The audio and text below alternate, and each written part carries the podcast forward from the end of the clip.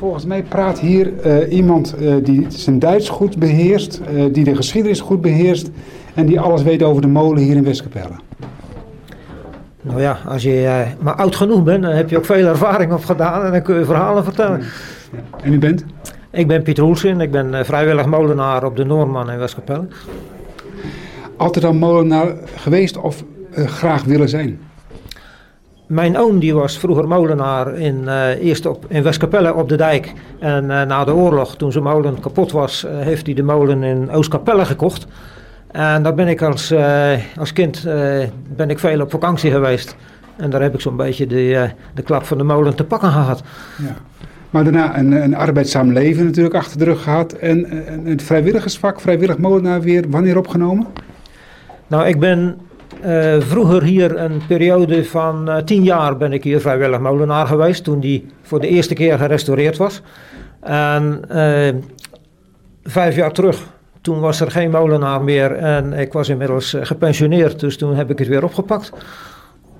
Ja, toch, je ziet ook zeeloods vrijwillig molenaar worden. Omdat het een stukje techniek is wat ze nog steeds willen, willen zien. En in handen willen hebben, om maar zo te zeggen. Wat was voor u de belangrijkste reden om hier vrijwillig molenaar te worden? Nou ja, als je eenmaal het uh, virus van uh, de molens te pakken hebt, dan uh, ja, dat laat je niet los.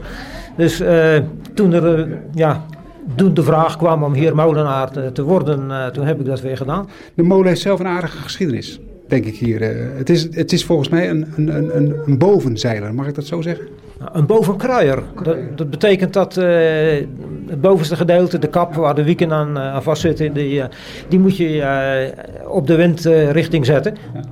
Uh, terwijl er ook molens zijn, uh, standaardmolens, uh, waarbij eigenlijk de hele molen gedraaid wordt op de wind. Ja. Je hebt ook grondzeilers natuurlijk, hè? die zijn iets kleiner in formaat. Ja, hier, dit is een stellingmolen, dus er is nog een stukje onder gebouwd. Ja. en dat komt vanwege de bebouwing hier in de omgeving. Ja. Hebben ze hem wat hoger gemaakt en dan heb je tegelijkertijd ook een beetje ruimte beneden voor graanopslag. Westkapelle heeft veel meer molens gehad vroeger, hè? Ja, er waren er voor de oorlog waren drie windmolens. En er was er ook nog een uh, elektrische maalderij. Uh, in de oorlog zijn er twee molens verloren gegaan.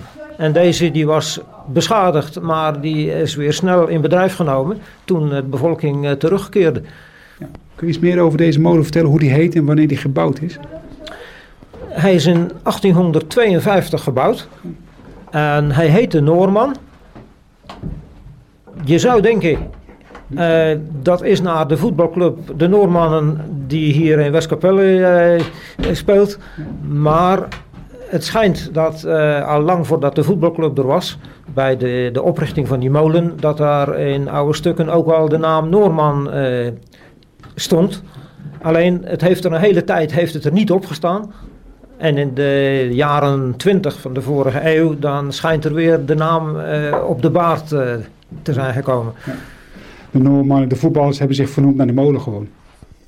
Ja, wie weet. Het zou kunnen, want de vroegere uh, molenaar, de laatste beroepsmolenaar hier, die, uh, die was een van uh, de eerste voetballers hier in het dorp. Ja. En ik weet niet of hij bij de oprichters was, maar dat zou best wel eens kunnen. Ja. En wanneer is hij voor het laatst is hij ermee gestopt als actieve molenaar?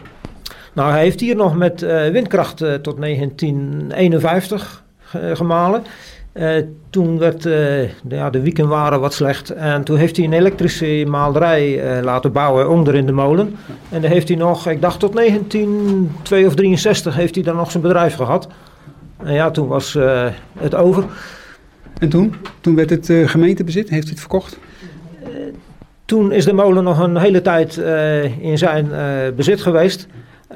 in de jaren 70, dan heeft de gemeente die heeft hem overgenomen.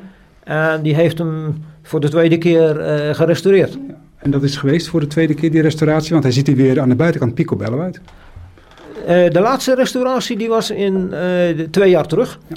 En toen zijn er nieuwe wieken aangekomen, een nieuwe omloop. En het voegwerk van de, van de muur is weer in orde gebracht. Ja. En nog wat andere restauraties. Dus hij staat er nou weer prima bij.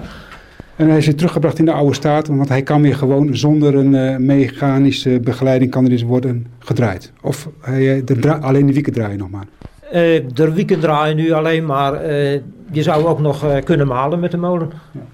Dat gebeurt niet meer? Nee, dat gebeurt niet meer. Dat, uh, ja, dat is een beetje te lastig vanwege uh, ja, hygiënische uh, normen.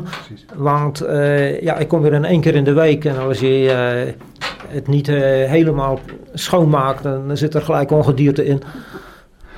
Eén vraag intriggert mij nog steeds. Dat is het verhaal van de Tweede Wereldoorlog, de Noorman. Was dat deze molen die zo'n afschuwelijke periode heeft meegemaakt toen hier het water doorbrak bij de dijken?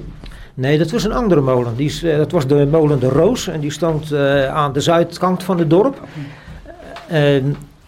Daar waren meer dan 40 mensen in gevlucht. En uh, toen de dijk doorgebroken was, toen was de molen die was ingezakt. De mensen die konden er niet meer uit en ja, die zijn verdronken. Ja. Deze molen heeft de oorlog wel goed doorstaan, denk ik. Of was die voor een deel niet meer te gebruiken? Ja, dat weet ik niet. Maar ja, er wordt verteld dat hij wel beschadigd was, maar dat hij snel gerepareerd was en weer kon draaien. Is het een uniek type molen hier voor Zeeland? Nee, het is eigenlijk een heel normaal type molen. Je vindt ze overal. In Koudekerk, Middelburg, Vlissingen. Dat zijn de ronde stenen stellingmolens. Toekomst, want de gemeente wil ze wel in stand houden. Wat zou het liefst willen? Wat er met de molens zou gaan gebeuren? Zo lang mogelijk uh, bewaard houden? Nou ja, in ieder geval uh, in goede staat uh, houden. Dat betekent dat je natuurlijk regelmatig onderhoud moet plegen.